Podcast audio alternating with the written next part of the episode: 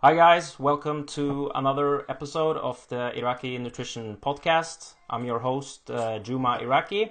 And today I have brought back with me uh, Lyle McDonald. So we're going to speak a bit about uh, fat loss today. And uh, before we start, uh, I just want to inform that this podcast will be available on YouTube in, in video format, but you can also listen to it on iTunes as well. So, uh, Lyle, how are you doing today? I'm very well, thank you. Thank you so much for agreeing to do this podcast. Uh, we did a uh, we did um, previous podcast on fat loss specifically for for females, but uh, yes. for for people that haven't listened to that podcast, could you please give us a short introduction about yourself? Uh, so my name is Lyle McDonald. Um, my imagine most people listening have at least heard my name. I've been in the industry since Oh, 1995, when the internet first started. Um, I went to UCLA to study exercise physiology uh, back in the day and have always been very interested in nutrition, fat loss, dieting, metabolic rate adaptation, you know, in terms also performance muscle gain. Like, uh, it's always been very fascinating to me. I think I tend to be known very much. Um, for fat loss, just because a majority of my books have, have been written about that. Uh, as Jumai mentioned, I'm currently sort of entrenched in a book on women's issues, since women do have some specific issues that uh, men simply don't deal with. Um, but that's that was the topic of that entirely other pod podcast. So today I'm I'm going to sort of treat it, you know, as, as fairly gender independent, but do note that that clearly there are some some pretty major differences between men and women in this regard. Yeah, excellent. And uh, uh, just before we start with the questions. Uh, the podcast we actually did is the um, most viewed podcast, so it's hmm. clearly a topic that uh, a lot of people are interested in. So if you haven't watched it, I highly recommend that you uh, watch or listen to the podcast I did earlier with um, with Lyle McDonald on that topic. So, um, so the first question, just to get uh, things started, is um, what genetic and environmental factors can contribute to making fat loss uh, more difficult for some people compared to to others? Um, okay, so let me uh, be sort of honest up front. The, the genetic stuff has been changing so rapidly. There's so many new developments, and I'll be honest, I've, I've been so uh, truly entrenched is the right word in the women's book. I'm very much behind on this. So some of these things I won't uh, I can't actually claim to be, you know, as up to date on the literature as I'd like to be. Um, also, as interesting as the genetic stuff is, I tend to lump it into things we can't control. Um, but you know, just some of the random factors they've found. A, a lot of it has focused on fat meta- fat cell metabolism, um, things that have to do with uh, receptors like PPARs, which are uh, peroxisome proliferator activated receptors, and there's an alpha, beta, and a gamma, and differences in the function of those can affect things like how readily or how unreadily the fat cell releases fatty acids for burning. Um, they've identified a number of different genes. Um, some listeners may be familiar with what was called FTO. Uh, which I forget what it stands for offhand, that seemed to explain uh, it was a small amount. It was like 4% of the difference in body weight. It was actually a very small contributor. Um, a lot of the genetic differences they found are these very extreme, what are called monogenetic differences. So we'll talk about leptin later. Some people don't produce leptin. There's about 12 of them in the world. They found it within this one very narrow family extremely rare. Uh, there's something called the MC4, the melanocortin 4 receptor. This is in the brain. Um, it, it, affects melanocortins are just one of the endless systems that regulate this. Uh, a gene mutation there can explain something like 4% of the cases of truly morbid obesity. There are differences in things like skeletal muscle function, how readily or unreadily it uses fatty acids versus glucose for fuel. Um, I think the main ones we're focusing on are probably the ones related to things like energy expenditure. Like uh, all that other stuff tends to be sort of going on in a way under the hood. Um, I mean, it's like, yes, releasing fatty acids from fat cells is important, I don't know how relevant that really is um, in the beginning stages. A lot of these other mutations in the brain tend to be when they occur, they're enormously uh, like they have profound effects, but they're very rare, right? Typically, if you see someone that has one of those, that's the kid who's 300 pounds by the time he's eight years old. Like if when you're born with one of these severe genetic mutations, they are just staggering. Um, there's another one. There's a disease called Prader-Willi, which has to do with ghrelin, which we'll also talk about. People with this disease don't get the, the fullness signal from eating. They are ravenously hungry all the time. But I'm talking, I'm not, I'm not diet hungry. I'm not talking about I'm hungry. I'm talking about they have to lock the food up in their houses because they will not physically stop eating. These are at the extremes. Now it's possible that there are, you know, lighter versions of this in the same way that disease can range from super extreme to not to in the middle. Um, I also I read a paper one time that I cannot find suggesting that most of the mutations they'd found had to do more with appetite than activity or with energy expenditure, which was kind of interesting. Um, there are clearly, however, some there's individual variation in things like energy expenditure, um, and just for for background, because uh, we'll we'll talk. This will come up again later. There are four components to how many calories you burn in a day resting metabolic rate. This is just how many calories you burn at rest. Laying in bed, sitting on the couch represents the processes to keep your heart beating, muscle, light muscle contractions, organ, brain. They actually haven't found many differences there. Variation between people and resting metabolic rate, not enormous. Uh, five maybe 10% either direction. This idea of a low metabolic rate really doesn't exist outside of severe, like hypothyroid, severe, severe conditions. Um, there's the thermic effect of food, how many calories you burn when you eat. Not a lot of variation there, uh, at least not from a genetic standpoint. Um, and also, it's very small. It's about 10% of your total calorie intake. So if you eat 2,500 calories, it's 250.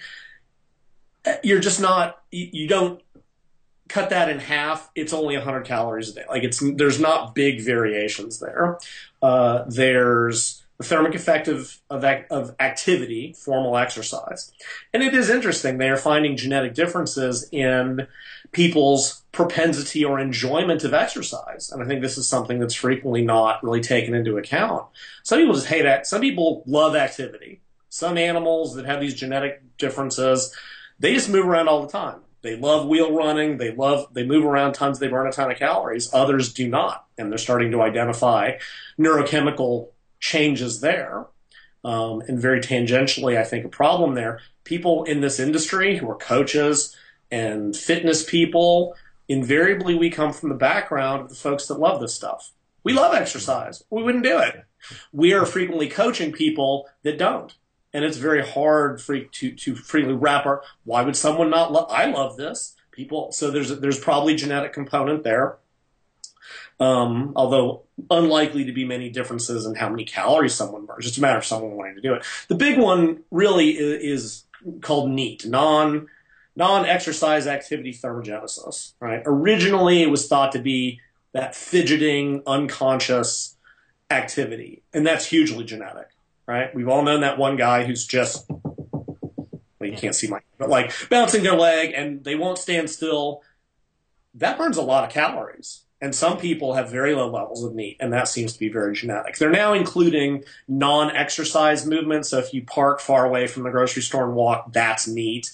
Uh, things like standing desks, walking desks, these things um, are, are, being so that so those are the four components: resting metabolic rate, not huge genetic changes. Thermic effect of food, almost none.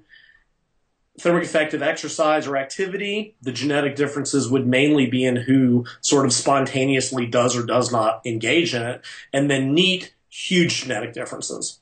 Um, in either who does it spontaneously. They've shown differences in how much NEAT changes with overfeeding. Right, there's a classic study from way back when overfed a group of people by a thousand calories. Some of them increased NEAT by like 700 calories a day.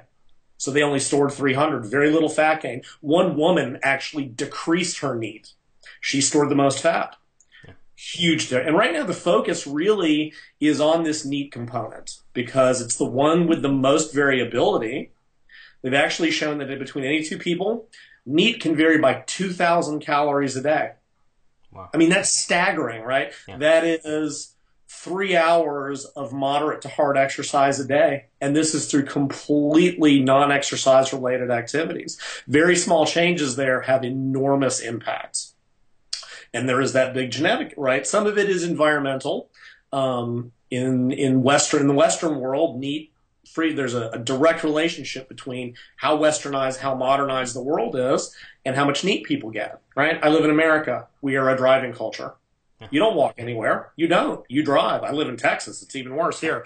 In you know, you go to New York, people walk everywhere. Um, I can't really speak to other countries, but I know, you know, cycling is a much larger component uh, in a lot of European countries. It's part of the culture, and the cities are set up for it. Uh, they've shown that different different countries vastly different levels of NEAT, and there are gender differences. In one, women have the highest levels. I forget where it is. However, they also are the ones that work in the fields, and they also do all the do all the housework. The men basically sit around being lazy. So the women have like 900 cal. In the UK, US, and most sort of, it's about equal between men and women, but it's much, much lower because unless you labor, unless you work in the fields, what do you have to do all day? Yeah. Sit in front of a computer and do podcasts. Mm-hmm. And this burns nothing for calories. Yeah. E- even moving from sitting to standing burns about an extra, it's like a calorie a minute, which seems like nothing, but that's 60 calories an hour if you work at a desk and do that for eight hours a day, that's 480 calories. That's hard. That's an hour of hard exercise. If you do a walking treadmill, you might go to three calories a minute. You could potentially burn a thousand calories a day without even noticing because it's not exercise. It doesn't feel like exercise. So, so NEAT is really, there's some genetic differences. There's huge environmental factors. Um, and it's a place where really a lot of the obesity research is focusing because it can be so profound. Um, I actually want to go back up one more thing on environmental factors and we'll move on. Uh, resting metabolic rate can be impacted, probably maybe neat, by uh, temperature. And one of the factors that's been thrown out as part of the obesity problem, and realize that there's thousands of them, is the fact that in the Western world, we tend to stay in what they call the thermoneutral temperature zone which I had to write it down. It's between 25 and 30 degrees Celsius or 77 and 86 degrees Fahrenheit. So it's somewhere between cool and it's a comfortable temperature, right? We don't, most people don't like being cold. I guess if you live in very cold climates, and even then, humans bundle up, right? We wear clothes, we have central heat and air. We tend to select a temperature where it's not cold enough to get shivering, which burns a lot of calories, activates uh, brown fat adipose tissue. Uh, even hot, very hot temperatures can increase, and that's mainly through resting metabolic rate. So it's possible that if you acclimate to the cold by gradually wearing less clothing or turning your AC down, that that can burn some extra calories. Cold also stimulates hunger, so it might be a wash. But there's another environmental factor that's relating to resting metabolic rate. And even there, I bet there's genetic differences. I'm Middle Eastern. I hate the cold, yeah. right? we are a desert people. That was that's my my ethnic group evolved in the desert. I can handle the heat like no like nothing. Cold I hate. Other groups that more evolved in the cold can probably handle. So there's another environmental factor that that is not usually considered, but I don't know how modifiable it is because people hate being cold. Yeah. And being miserably hot is no fun. Um, but anyway, so that that kind of like I said, the genetic stuff is going to get way more important I've even seen some work that genetics interact with things like other weird behavioral stuff. Uh, there's a researcher named DeCastro who's looked at real world effects, right? One of the most interesting is if you go to a party, the more people at that party, the more people in a social group, the more food people tend to eat. And I think, I don't know why that is, other than most big parties have a lot of food. Maybe it's a social evolutionary thing, but regardless, he's shown that genetically, excuse me, some people are more likely to eat more in that environment than others. So we're finding that there are just these staggering interactions. Um, and I think that's going to be an area. There's even been some mild work that testing genetics up front and personalizing the diet may result in, in, in better weight and fat loss. And I think that's probably going to be one of the big futures of this field, the whole nutrigenomics thing. Where, I mean, they're doing the same thing. They're trying to do the same thing with training now get a quick genetic test. Ah, you're a sprinter, you're a strength athlete, you're an endurance athlete. I don't think we're there yet. I think within the next five to 10 years, we're going to have a pretty good feel for testing certain genetic markers and then knowing how to modify the diet for health or fat loss or whatever. So, excellent. Just a thing about the in regards to what you talked about temperature. I actually wrote an article on that, and mm-hmm. li- like you said, the the effect it actually has is so minimal because we people just adjust the clothing or the exactly. environment so it wouldn't really have a big impact. And then um, I'm Middle Eastern myself. I spent right. like 20. I've been living in Norway for 28 years, and we usually have brutal winters. Yeah. Like 30, sometimes minus 40 in the north of Norway. Uh, 40. It's awful. Yeah, it's awful. It's awful. And, yeah, I can't stand it any more yeah. than you can. It's horrible. So, yeah, exactly. so yeah, it's an interesting idea, and I know some people have tried to bring out like cold vests and ice packs, and they're making some claims that are just simply out in left field about the calorie burn. Yeah. There's still I haven't seen some really good, any really good quantifications of how much activating the whole brown adipose ta- tissue pathway, how much it's really going to have an impact. And I think realistically, the six to eight hours of cold exposure you'd need. I, I don't think it's going to be realistically doable. My most it's an it's fa- it's fascinating stuff, but I don't think anyone's going to be able or yeah. the majority be able to do it. Yeah, I totally agree. Just just another follow up question when it comes to um, uh, when it comes to things that you do early in life, like for example, if you're a kid that's overweight, you'll probably have a bigger risk of being overweight Absolutely. when you're when you're older. Uh, and and some people say that you only grow like you only get more fat cells in during puberty, yeah. and you can't uh, get more fat cells later in life. Is that true, or do you actually, or can you actually get more fat cells later in life? The, the, short answer is no. That's one of those old ideas that fat cell number is fixed, that puberty pretty much is it. We know now that once you hit a certain point, once fat cells get to a certain size, they release chemicals that recruit what are called pre-adipocytes, or baby fat cells that can then grow and store more cal. And we're talking extreme obesity here. Um, I well, actually, not even that extreme. I do think like pregnancy seems to be a time where it can occur. Um, I actually have a really depressing paper for the women's book. They took men and women that were, mo- I mean, they were overweight. The women were like 27% body fat, which is not fat, but it's not lean, and overfed the men and the women. They both gained both upper and lower body fat. But the lower body fat was actually made through making more cells. Yeah. The upper body fat, the fat cells just got bigger. So there, there's definitely some, and, and, unfortunately, once you've got those fat cells, short of surgery or some of the new methods like cryolipolysis they've they've come up with, once those fat cells are there, they don't go away. So there is definitely that that old idea is not true. Um, there's also a thing people that have more but smaller fat cells have a harder time losing weight. Smaller fat cells don't release fat, fatty acids as easily. Mm-hmm. You can find stuff back in the 70s that talked about hyperplastic, which is more fat cells, versus hypertrophic, bigger fat cells, obesity. And hyperplastic is way in. And of course, women tend to have more smaller fat cells in their thighs. No surprise. So there's a, an odd little gender difference. But yeah, you can definitely make more fat cells if you get, you have to get fat beyond a certain point. But absolutely you can, depressingly. Yeah. Yeah. Okay, uh, moving on. Uh, you often he hear the terms um, fat uh, set points and fat settling points, and it seems that people get these uh, terms uh, mixed up a bit. So, yes. could you could you explain what what the difference is between them? Yeah, so we know sort of generally that, that body weight or body fat is regulated. And all that means is that people lose weight, they will tend to come back to where they were. Frequently, if they gain weight, at least some will come back to where they were.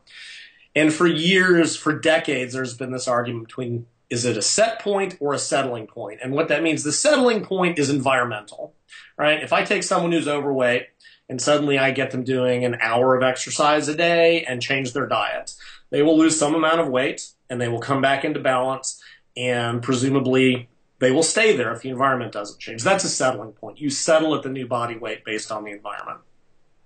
The idea of a set point has to do with that there's some sort of internal regulator, right? And the example I always use because most people can are familiar with it is an air conditioner. And another one would be like uh, the cruise control on a car, right? So your air conditioner you set to whatever 30 degrees Celsius or 28. Sorry, I'm American. I think in Fahrenheit. Yeah. Um, right? If the temperature goes up beyond a certain point, the air conditioning comes on and it comes back down. Goes below a certain point, comes you know the heat comes on and it comes back up. So you're you're regulating the system, but it's it's only environmental in as much as the temperature outside is changing. So there's always been this idea that the body body and a lot of it came out of animal work. If you overfeed an animal, its metabolic rate goes up and it tends to be more active. And if you're not force feeding it, it'll come right. But same thing on the way down. If you diet an animal down, its energy expenditure goes down, metabolism goes down, its activity goes down, so that when food is available, that's the set point. It's kind of a biological construct where you're not just seeing changes to environment, but the body is adjusting metabolic rate, activity level. There are changes in hunger. Like I said, for decades, there's been this argument going back and forth about which is which is occurring, and the answer is both. like the best models include both. And I forget, I think it's Speakman has done the papers on this. And within a certain range, it's mostly settling point, right? We know that most people can lose about 10% of their starting weight and keep it off pretty easily. But beyond that, most people's bodies, they, they invariably kind of, kind of springboard back. And the model he's proposed, which I think is probably, is that within a, a narrow range, it is a settling point. It's based on your activity and your food intake. But clearly, once you get outside that point, and this has been measured endlessly in humans, we know that resting metabolic rate goes down. Like I thermic effect of food, it's mainly because you're eating less. We know that since you're lighter, you burn less calories during exercise. But there's also a change in muscular efficiency not only are you burning less calories because you're lighter, but your muscles actually are burning less calories per pound because they become more efficient. NEAT tends to go down, hunger goes up. They've even shown that attention to tasty foods goes up, right? Thyroid hormones drop, cortisol goes up, which we'll talk about. Um, nervous system output, like there's hormonal changes that are occurring, and it is clearly regulated by the brain, like and, and leptin that we'll talk about is if they if you replace nothing but leptin, raise it back to pre-diet levels, all those adaptations reverse, right? So so it, it I think the the argument about one or the other is missing the point. It's clearly both. Um, so within that range, it's settling point, environment, and, and activity and diet predominantly outside of that range. And like a researcher named Leibel has done some really controlled studies. He'll take people to 10 or 20% from their, their starting weight and he can measure directly how much resting metabolic rate drops, uh, in response to this, how much muscular efficiency drops. And it does work both ways. If you overfeed people by 10%, resting metabolic rate goes up a little bit, TEF goes up, you burn more calories during exercise, all these changes occur that that ideally would bring you back down. And there's always been a question why is it easier to gain weight than to lose weight? Right? If, if the system is adapting in both directions, you sh- and I think the difference that is environmental, right? We live in an environment in the Western world. There's always tasty, delicious, inexpensive food available, especially in the States. That makes dieting very hard right? When your body is making you hungry and craving foods and noticing that there's cake there, it's very hard to control your food intake. When your body is telling you not to eat anymore and someone gives you a donut, you eat the donut. So I think the environment, and that gets into a whole different thing with the homeostatic regulation and all, or sorry, the hedonic, and we're not going to have time for that. But I think basically the environment can overwhelm the the overeating effect very easily, but it also overwhelms the dieting effect, and it all tends to push us this way. So it's anybody. And there's some people that like you've you know when you've tried to gain body weight or muscle mass, right? You just get to that point where you're sick of eating.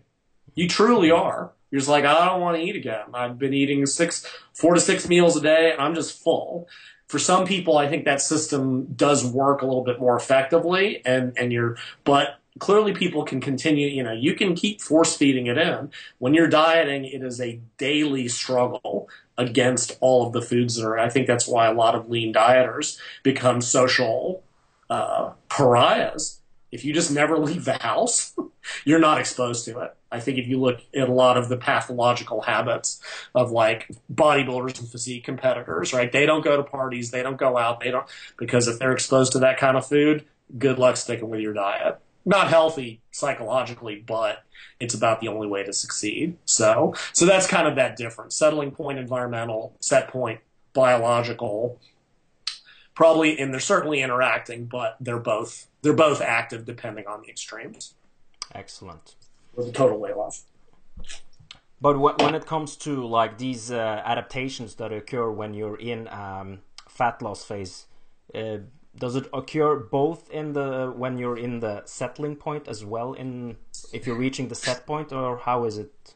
It's it's hard to tell because they you know a lot of these a lot of the research tends to look at very distinct time points, right? Mm-hmm. When Leibel did his studies, he was like spend however many weeks Let's get them to 10% over or under, and then let's take our measurements again. Yeah. And unfortunately, it would be lovely to see these data points where they're measuring sort of discreetly, but that just gets financially and technically very difficult.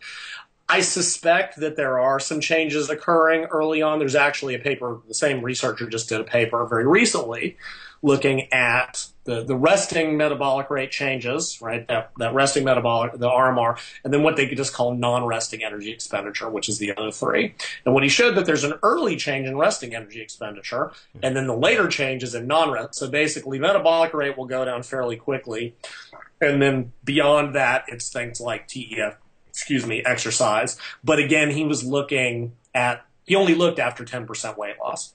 So I think it's I think it's hard to say what the the primary effect is in those early stages. I suspect there are some small changes within that that 10% settling range, mm. but clearly people can and readily do lose that amount and keep it off. So I, I think they're not as long as long as the behaviors are maintained, as long as they keep up the activity, keep their diet change.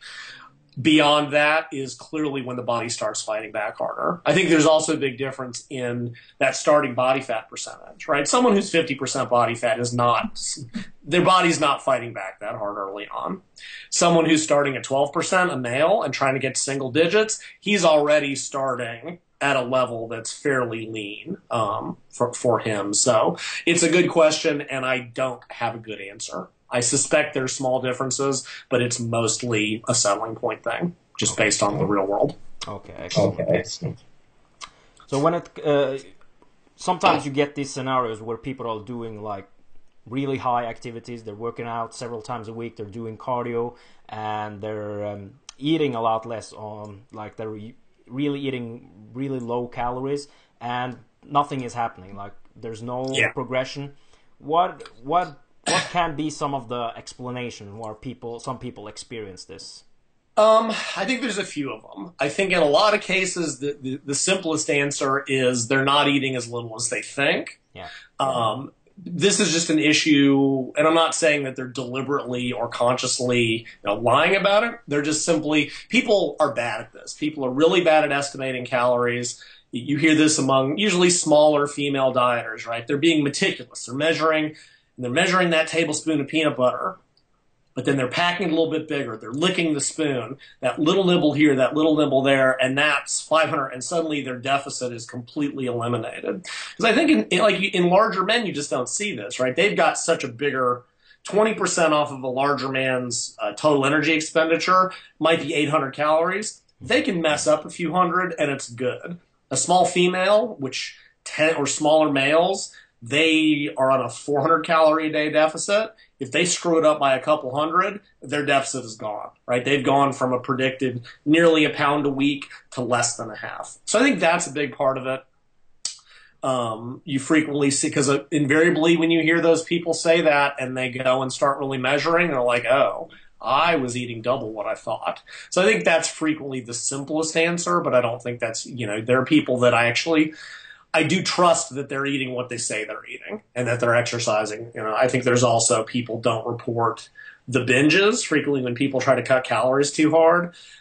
They wake up in the middle of the night. You're not hearing about the weekend blizzard binge uh, frequently. So I think that's another and there's actually one theoretical model of weight loss plateaus that basically said it just comes down to breaking, you know, non adherence. But let's assume that someone is truly tracking their calories. Let's assume that someone is truly like everything is actually accurate. You do still see these weird plateaus and stalls. And I think there's a handful of reasons. One is that right metabolic rate does decrease. Right. So let's say here's your starting energy expenditure, and you set your 500 calorie a day deficit. Right. Say this is 2,000, and now you're getting net 1,500 calories. And by net, I mean I'm not gonna whether you cut calories or increase activity. There are differences, but I don't want to get into that. So let's just assume that here's your deficit. As you lose weight, as the body adapts, your energy expenditure goes down, right? It closes that deficit. And eventually you come back into balance, right? This is one of the screwiest interpretations uh, of the 3,500 calorie rule and calories in, calories out. People ignore the, the changes that are occurring. And they're like, well, if you're on 500 calories a day deficit and you're not losing a pound a week, calories in, calories out doesn't work, is wrong. No, it's not. You don't understand that. Yeah. If that were true, if that never went away, and you reduce calories by 500, you, was, you would lose weight until you died. Mm-hmm. That doesn't happen. It's the same reason the whole if you eat one apple less, you'll lose X number of pounds. It's assuming that none of these numbers are changing. If you cut your calories by 100, well, by the time you lose about five or seven, five to seven pounds, about three kilos, you're burning 100 calories less. That's it. That's all you're going to lose you have to create another 100 calorie deficit. So you, you, see a lot of really dumb interpretations. So I think part of it is that as that happens, what was a 500 calorie deficit is now a 200 calorie deficit. The changes become so small and so slow, right? You've gone from the theoretical pound a week to maybe a pound every two and a half weeks. This interacts with the measurement problems, right? Whether you're using the scale, calipers or whatever, those all have an error bar, right? Body weight can do this on a day to day basis. Water retention, food in the gut, all these other factors, a little bit more carbs and sodium. Your any woman will tell you her body weight can change seven pounds, three kilos from week to week, right? Women have menstrual cycle makes this ridiculous. That's the other podcast. If you're only losing a pound every two and a half weeks and your body weight is variable three pounds a day, you're never going to pick that up, right? The best way is to measure daily, take a running average, and, and at least see some trend lines. Even calipers, even the best body composition methods, calipers have about a 2% error. I think James Krieger wrote a really good series on this. Go read it. Anybody who wants to really get into the details of body comp methods, read James Krieger's series. It's it's amazing. Like DEXA can be off by what five or ten percent. Either like it wasn't it wasn't designed for body fat measurement. It was designed for bone density. Yeah. It works, but if you've got a five percent error margin and you're losing one percent a month, guess what? You can't track that. Um, calipers are two to three percent. No, not all those methods. So I think there's a big part of it is just measurement error. Uh, the water retention thing is very real, right? So make no mistake, metabolic adaptation is part of it.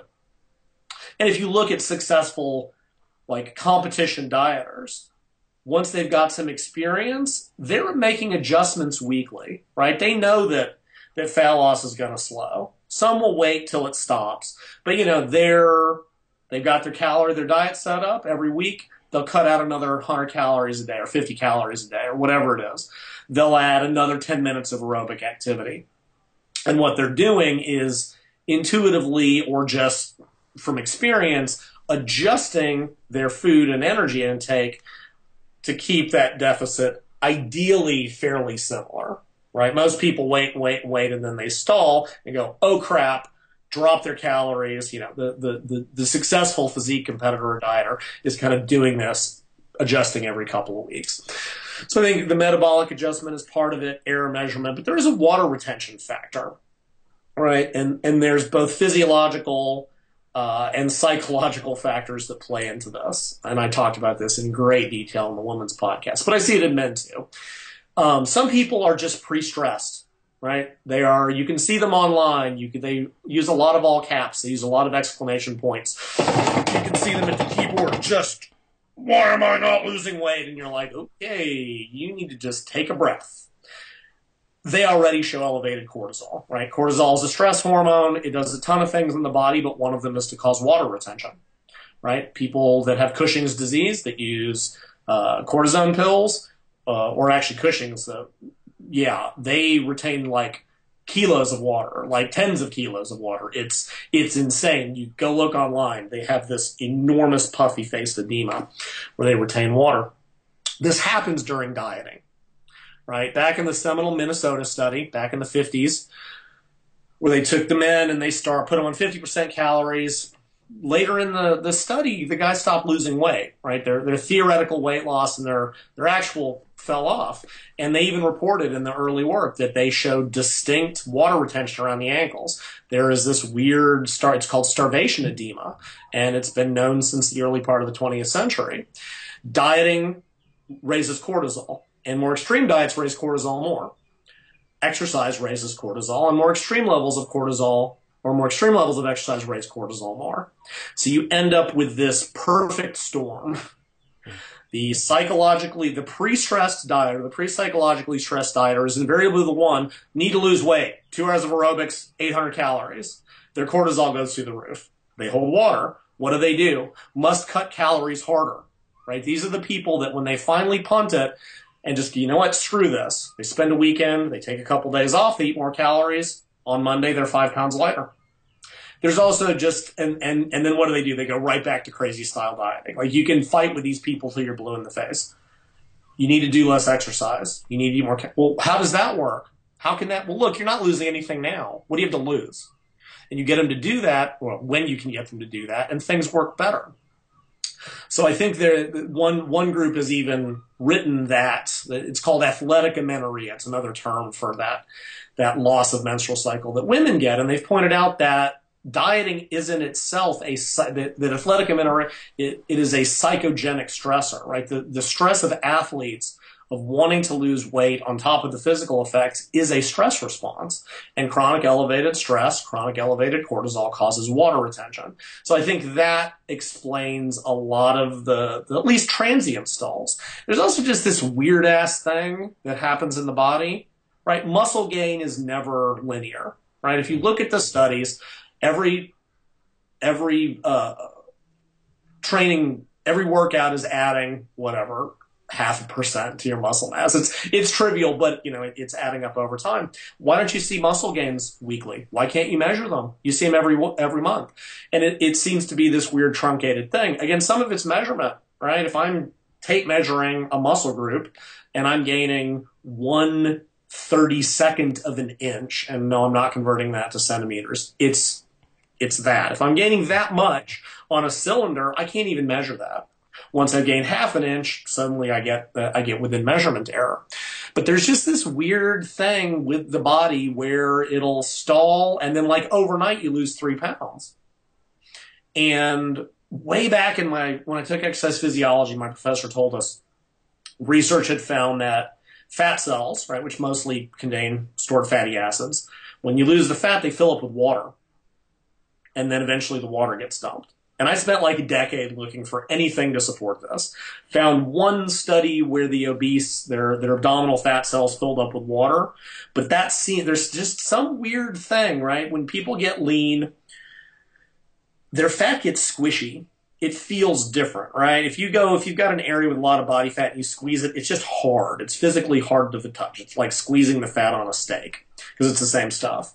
And when they get lean, they start to get squishy, but they don't look any different and their weight's the same and the calipers say they're the same. And then at some point, whatever happens, the body goes, ah, boom, drops water, and like overnight they look leaner. So I think it's a combination of all of these. I think it's possibly not adhering to the diet. I think in the case of adherence, you're seeing measurement inaccuracies that just make it immeasurable. I think add to that water retention, and there's a very individual thing there, right? Some people who diet are just chill, right? I think I think the best, at, you know, and there's work on this you've probably seen where people forget that psychological stress is just as real as physical stress, right? Humans are the only animals that can stress themselves in disease. Dogs don't really care. As long as they get fed, they're pretty happy. Humans worry about taxes. They worry about their mortgage. They worry about things that no animal deals with. That, and some people are just, they start out more stressed than others, right? I think if you look at successful athletes, especially successful, you know, physique dieters or dieters in general, they're very they're just very chill and a lot of that is just inbuilt. Like you can learn it. They've even shown that you know cognitive behavioral therapy like psychological therapy can help these folks which shows you how psychological it is. Some women can even mentally stress themselves into loss of their menstrual cycle. Mm-hmm. No no tra- like they just it's it's a it's purely psych well purely psychological. You know psychology is affecting physiology and if you sit here and get angry your cortisol will go up if you're stressed 24 7 about your weight loss and the fact that you're not losing and the fact that your weight hasn't dropped from today till tomorrow, which is ridiculously unrealistic, or that it's gone up by a pound because you ate some salt last night, you're just adding to the problem. Yeah. So, you know, uh, even even with the training thing, they've shown in, in male athletes and, and presumably in women too, even taking one day off a week will cause cortisol levels to return to normal. Well, these dieters don't do that. You can see people every day in every gym, two hours a day of hard aerobics. You know they're not eating anything, and the less they lose, the harder they work. And then women have again the menstrual cycle. Women trying to track week to week, ugh, it's impossible. Yeah. Women, for any women listening to this that don't listen to the previous podcast, you can only compare the same week of the cycle. If you try to compare the first week to the second week, well, this is when you're going to start holding water at ovulation. Those numbers, those measurements are not comparable. Third week, it goes back down. PMS week, it tends to go back up comparing any of those individuals. Men don't have this problem. Men are the same week to week to week. They can still do it. I've seen, I've been that person when I was in my twenties. I was my refeeds were terrible. I was eating way too much dietary fat. The less I lost, the more cardio I did because I've got that personality profile. And uh, over the years, the less stressed I've gotten about my diet, about eh, 800 calories over, the less neurotic I've gotten. Less neurotic, me. Um, the better it's gone because you just don't. But again, that's so inbuilt. There's no genetic contributor. Trying to get people to understand this, it's like telling someone to go, okay, three, two, one, relax, right? It doesn't really work. To tell someone who's stressed to just relax is like telling a dog to cat. It doesn't really work that way, but frequently that one thing, or taking a day off, or raising calories every once in a while, flexible dieting, not worrying about that little the 50 calories over your goal you went. That alone will just change the system. Yeah. If you if you can get people to do it. Good luck. So great that you mentioned that because I, I personally have had clients that uh, deal with these issues that they're really stressed out person and I'm I've just showed show them some of your articles on this mm-hmm. topic just to make them actually more aware of what's actually going on. But uh, another thing when it comes to uh, the psychological stress that people experience is in terms of uh, their recovery ability, for example, where yeah. there, where you see some studies because that's that's a factor that I think a lot of people don't take into account when they're doing their programs. And there's actually one good study done on cyclists where they made the cyclists before the uh, time trial uh, either watch TV for two hours or do a mentally uh, mm. mental test, and you yeah. clearly saw that the guys that were watching TV had much better performance than the other group. Oh, I don't believe it for a second. And and I remember reading, getting very off topic. It, you know, had to do with cyclists and stage races and the tour.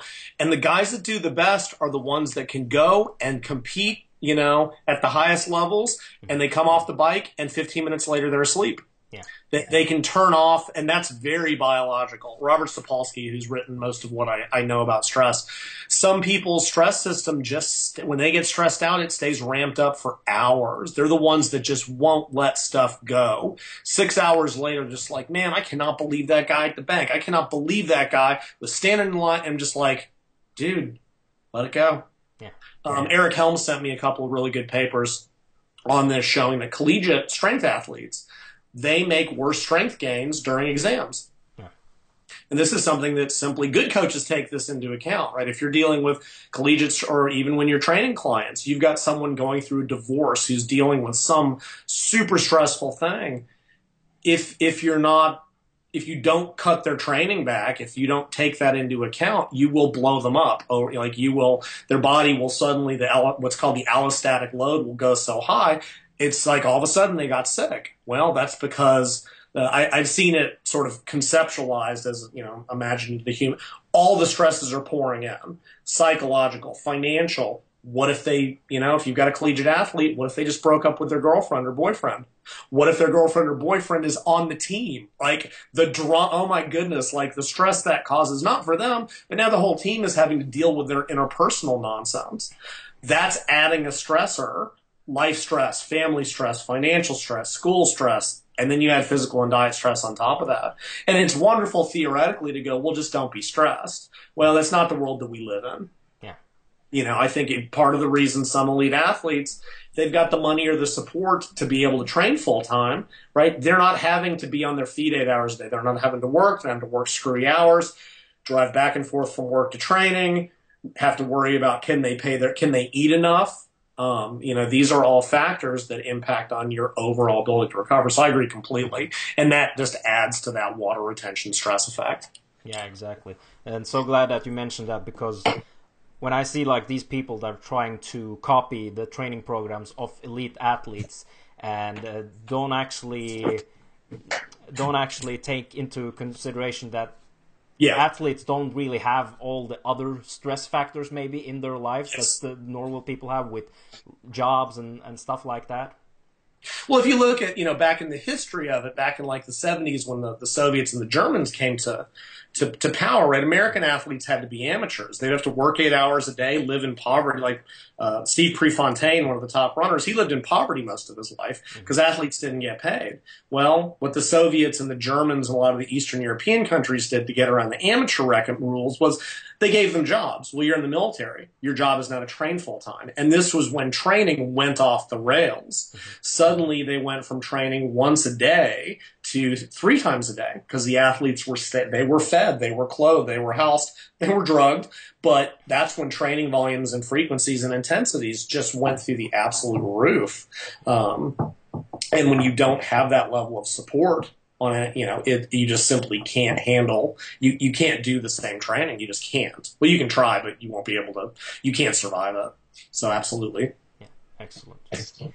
Okay, so moving on to uh, we, we touched a bit about um, cortisol and and uh, mm-hmm. in regards to um, water retention, but can we also touch a bit about how leptin, ghrelin, and um, cortisol affect body weight uh, regulation? Sure. So, sort of a, a, quick primer, right? Leptin was really the hormone that changed the game. It's 1994. Up until that point, obesity research was on why fiber was good, and it was very boring and uninteresting. Then they realized that leptin was a hormone. They, they, they identified this hormone that was released predominantly from fat cells, went to the brain, and signaled A, how much fat you had, and B, how much you were eating, right? For decades, they had theorized that this set point, right back, they knew about the set point in the 70s and it was postulated that there was a unknown hormone that signaled the brain on body weight or, or body fat, but no one had any idea what it was. 1994, they finally found it, or at least the first one, and that was leptin. So when you diet, leptin goes down super quickly. It can go down within about 50% within a week. Clearly, you have not lost 50% of your body fat. Yeah. That would be awesome. Yeah. Um, it's responding to calorie intake and especially carbohydrate intake. Then, as you lose body fat, it it leptin drops even further. So you see this really quick drop, and then it's way more gradual. The same thing happens when you overfeed, right? If you overeat carbs for three days, leptin goes up, and then if you keep gaining fat, it'll it'll go up more gradually. And this is where some of the dietary strategies like refeeds and diet breaks and stuff come from. Leptin is turning out to be released from a bunch of other places. Muscle makes a little bit, stomach makes a little bit. Um, that's another one that I haven't really had time to keep up with. Fat is still by and far uh, the primary, the, the major contributor. And the higher your body fat, the more leptin you make. The lower, the less leptin you make. The brain can become insensitive. But leptin is really the big, it coordinates a lot of these effects uh, in terms of body weight regulation, right? Like I said, there was a study for, for years they wanted leptin to cause body weight loss, and it kind of didn't. And that really frustrated people because they were using it wrong, right? Leptin does not really cause weight loss, except in these leptin deficient people. What it does is it reverses the adaptations to dieting. It makes dieting work better. So they took a group of, of men and women, very small study, and they've repeated it, dieted them down, and they saw metabolic rate went down, fat loss stalled, thyroid went down, cortisol went, like all the hormones did what they were supposed to do. All they did was injected leptin to raise it back to pre-diet levels. All of these reversed.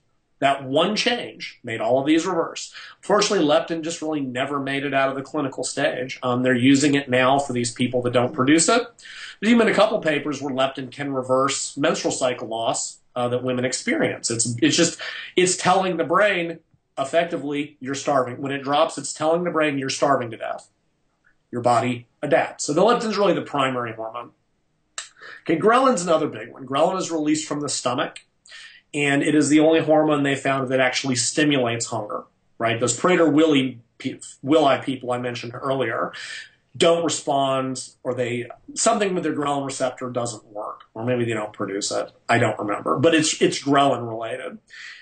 Ghrelin goes up when you diet, right? Since it stimulates hunger level, it, it go, it also it's odd. Ghrelin goes up at the time of day when you normally eat.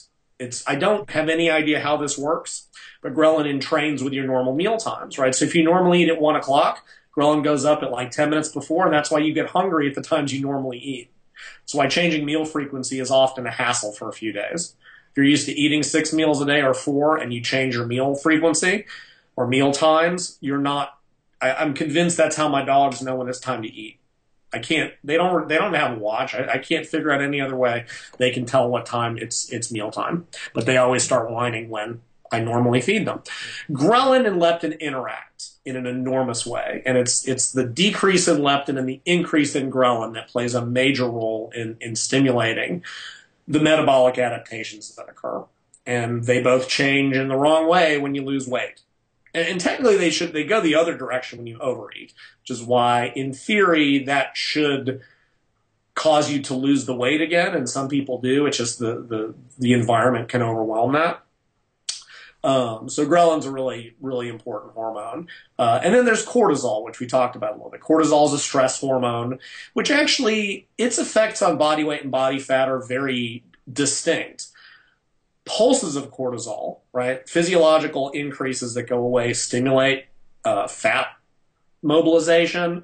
It's mainly involved in blood glucose regulation, right? You'll hear it referred to as a glucoregulatory hormone, which just means it regulates blood blood glucose. So when blood sugar goes down, cortisol goes up, and and pulses of cortisol are very physiologically adaptive, right? So again, Robert Sapolsky has written about this. His book is called "Why Zebras Don't Get Ulcers," and his basic point is that we, are supposed to work under conditions of experience the stress, stress goes away, chill out, adapt, right? Exercise raises cortisol.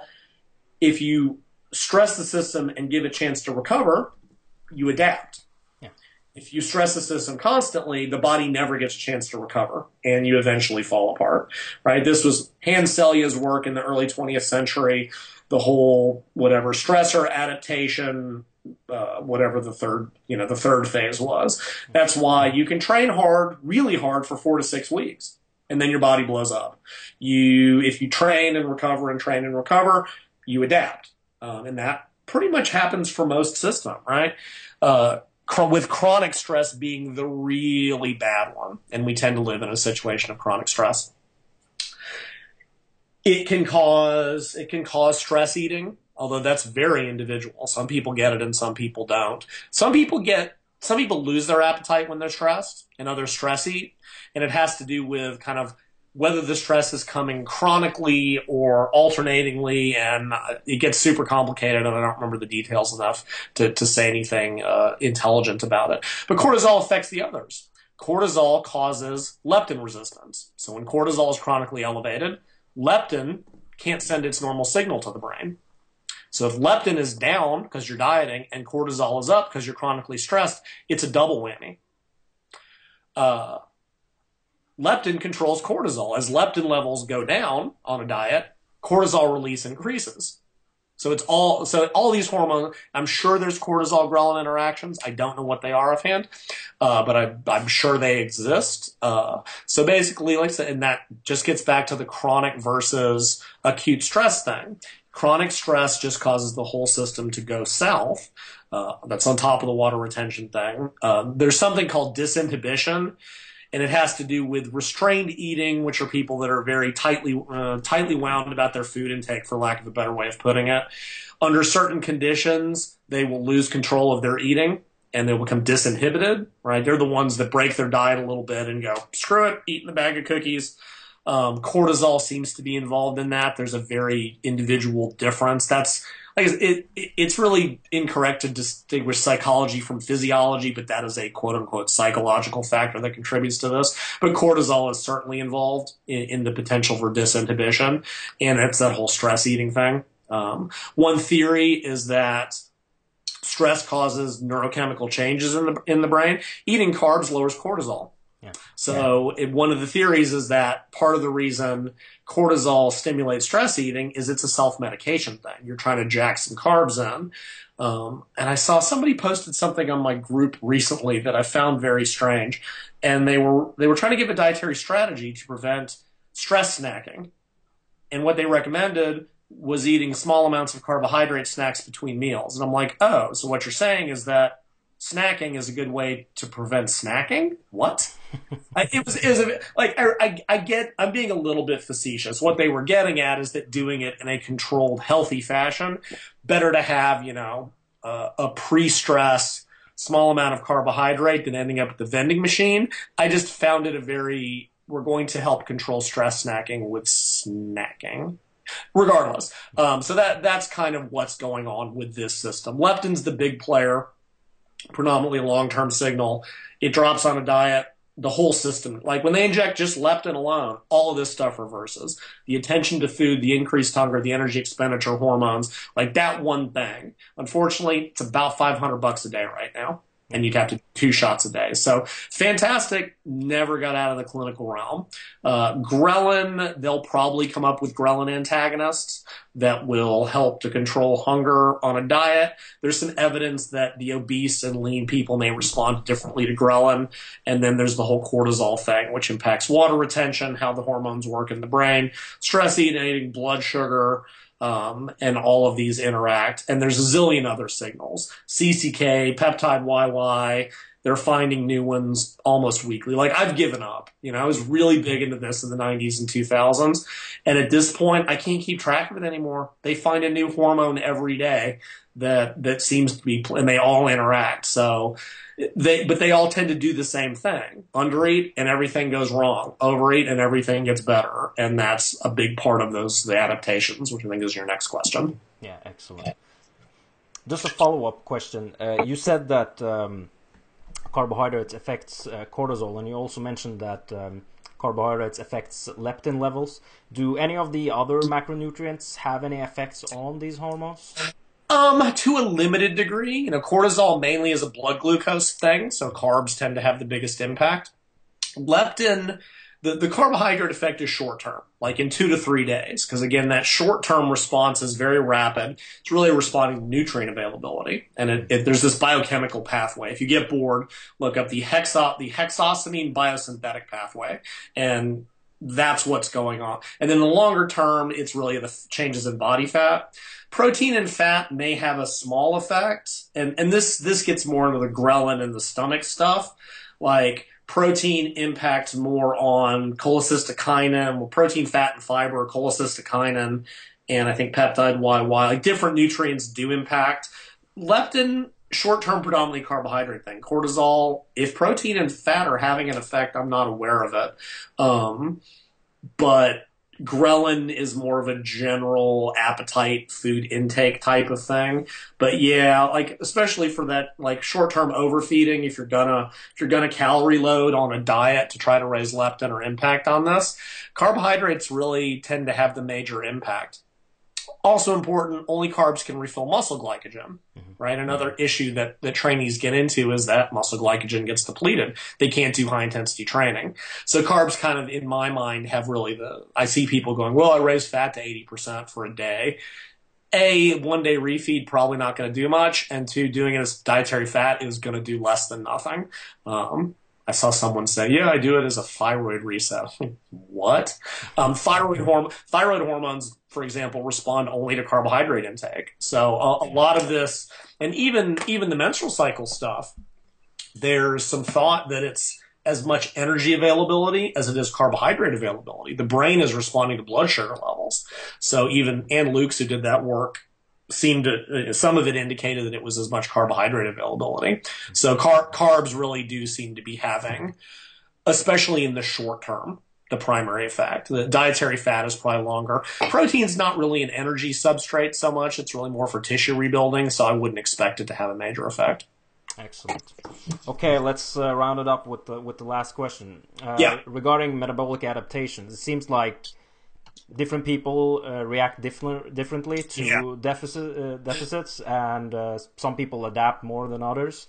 So, what are what are strategies that people can use during um, calorie deficit uh, phase that will not completely uh, reverse the adaptation, but limit them to some extent?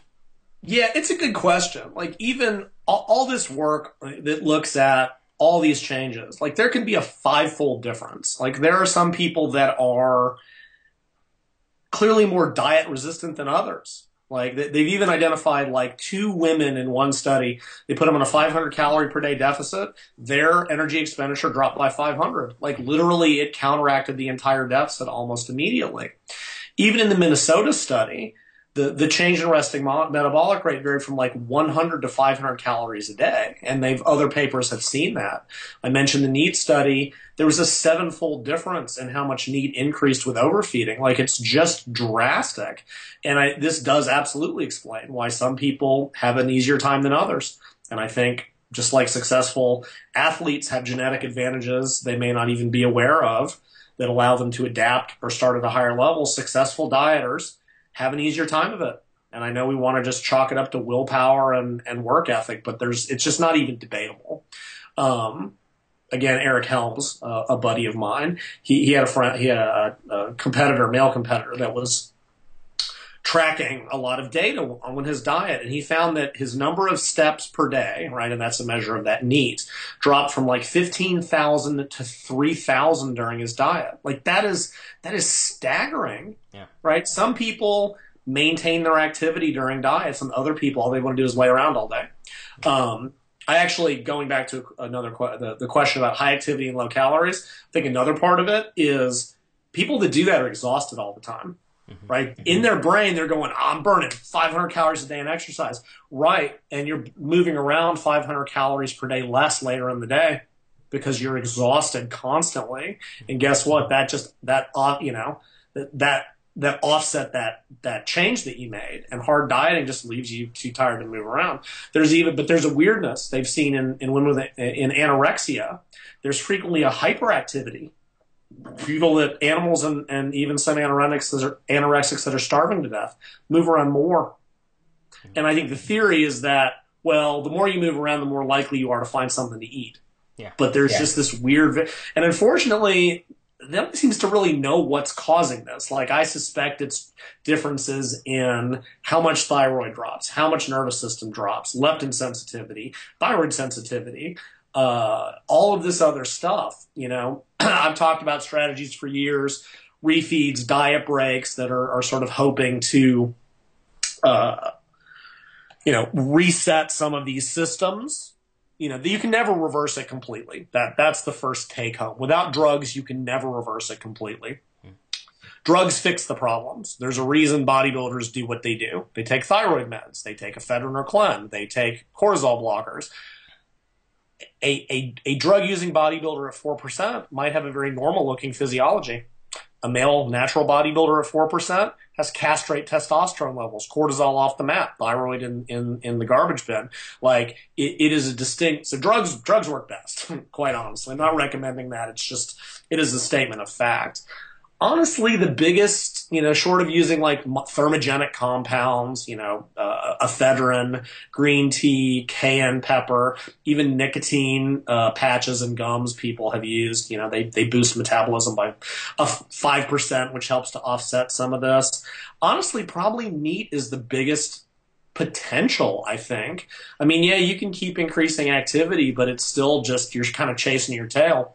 Um, if you're one of those people that is getting a bigger drop in in metabolic rate, and here's the thing, even there, most of the change in energy expenditure is not resting metabolic rate. This is one of those the, the whole metabolic damage thing is it's not resting metabolic rate that's affected. Most of the impact is through the non-resting change. In the obese, the the adaptation of metabolic rate is like five to ten percent. Ninety percent of it is inactivity even in the Minnesota cohort, the resting metabolic rate drop was larger. It was like 15%, or was it 25%?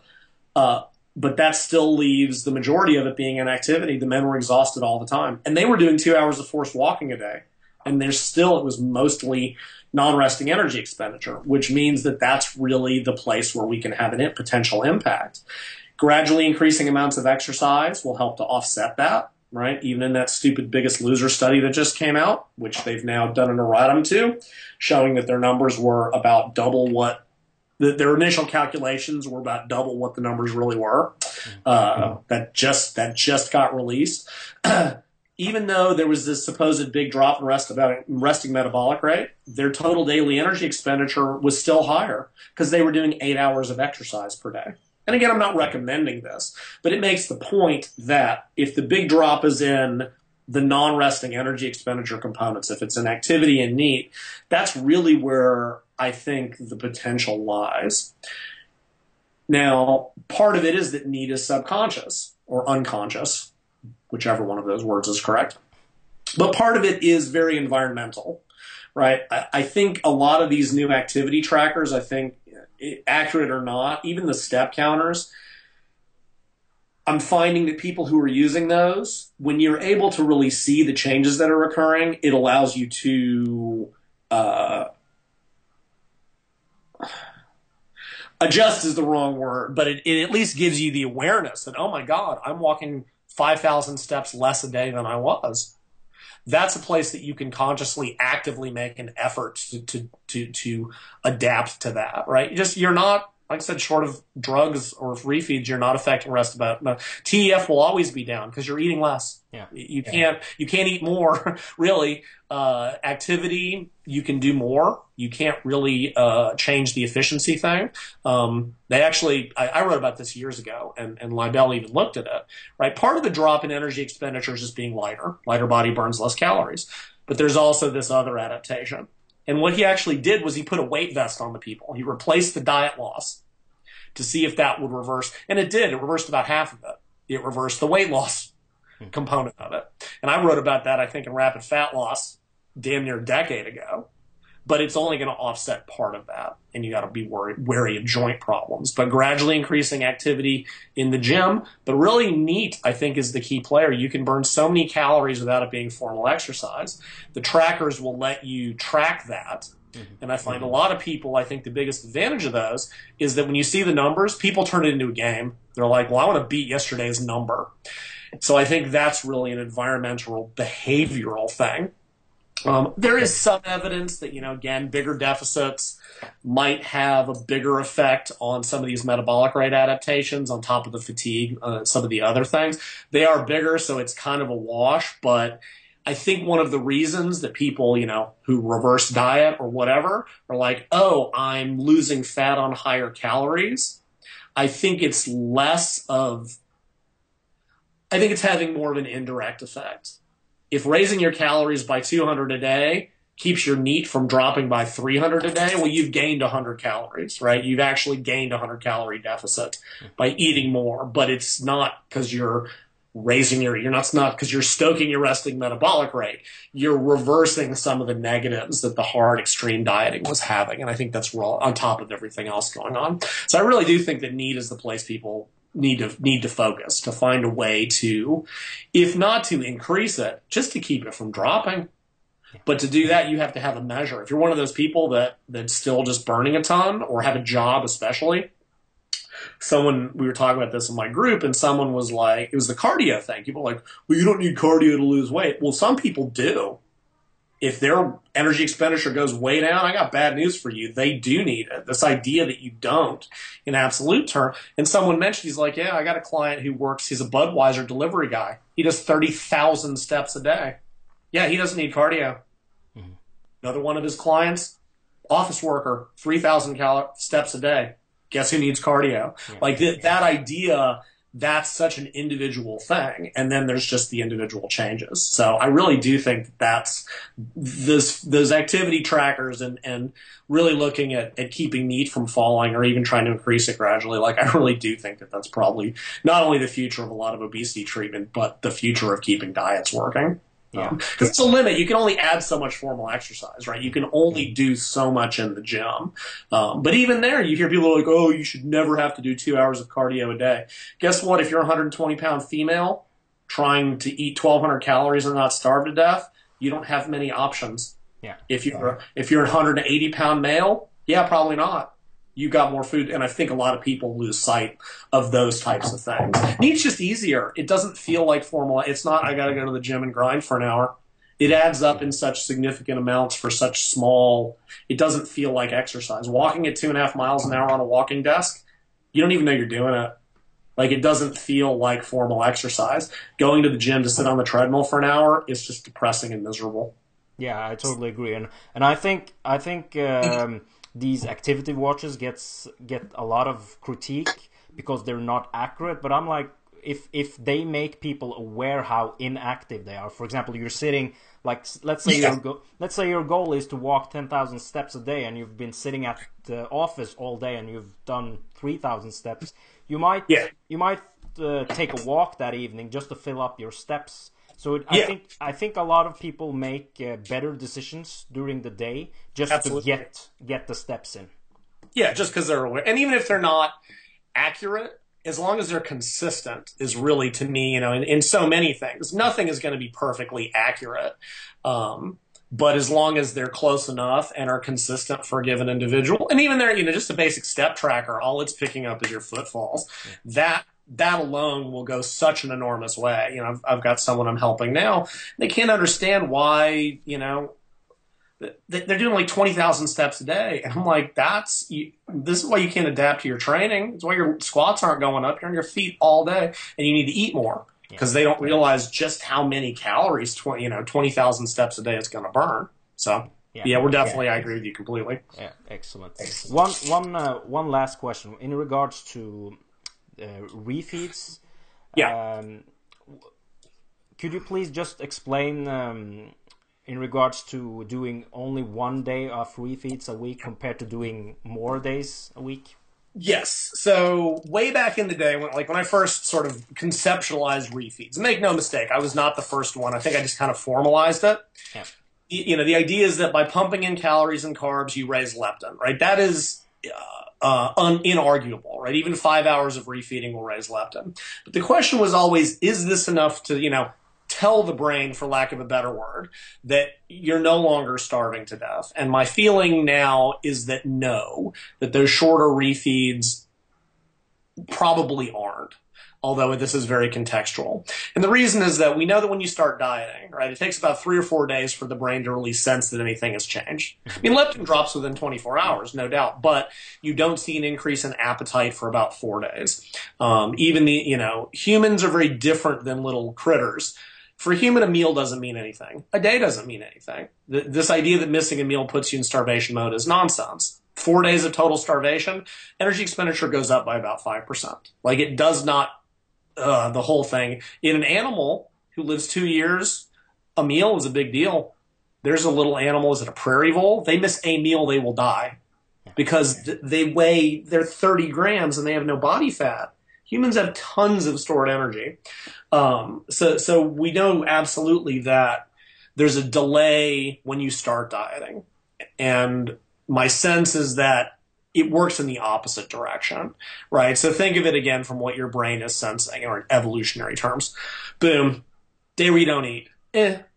it is what it is. Two days in. By the fourth day, probably food supply is down. Time to start adapting. Well, in the same token, if you overeat for a day, how does your body, maybe you just found whatever.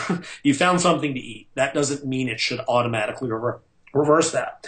And in this vein, I've got a, some studies on women in menstrual cycle that their hormone levels, like five days of very low calories, followed by one day of enormous refeeding, doesn't change anything. But three days, followed by two days of refeeding, reverses it. And there's a weird, there's an interesting study in military guys where just what they call a multi-stress environment, very little sleep. It's like Navy SEALs, very few calories, like diet, all everything just goes this way. One week of refeeding reverses everything, right? That's the full diet.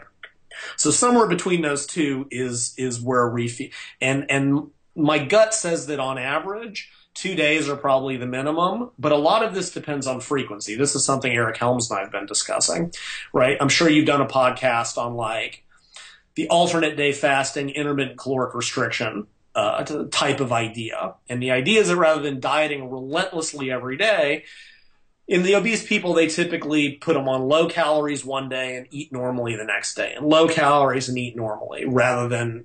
And, and what you find is that over the week, the net deficit is about the same, still about 30%, but it's, it's psychologically maybe easier from an adherence, but physiologically it may work better. They don't seem to lose as much lean body mass. Could be a measurement error because they use bioelectrical impedance.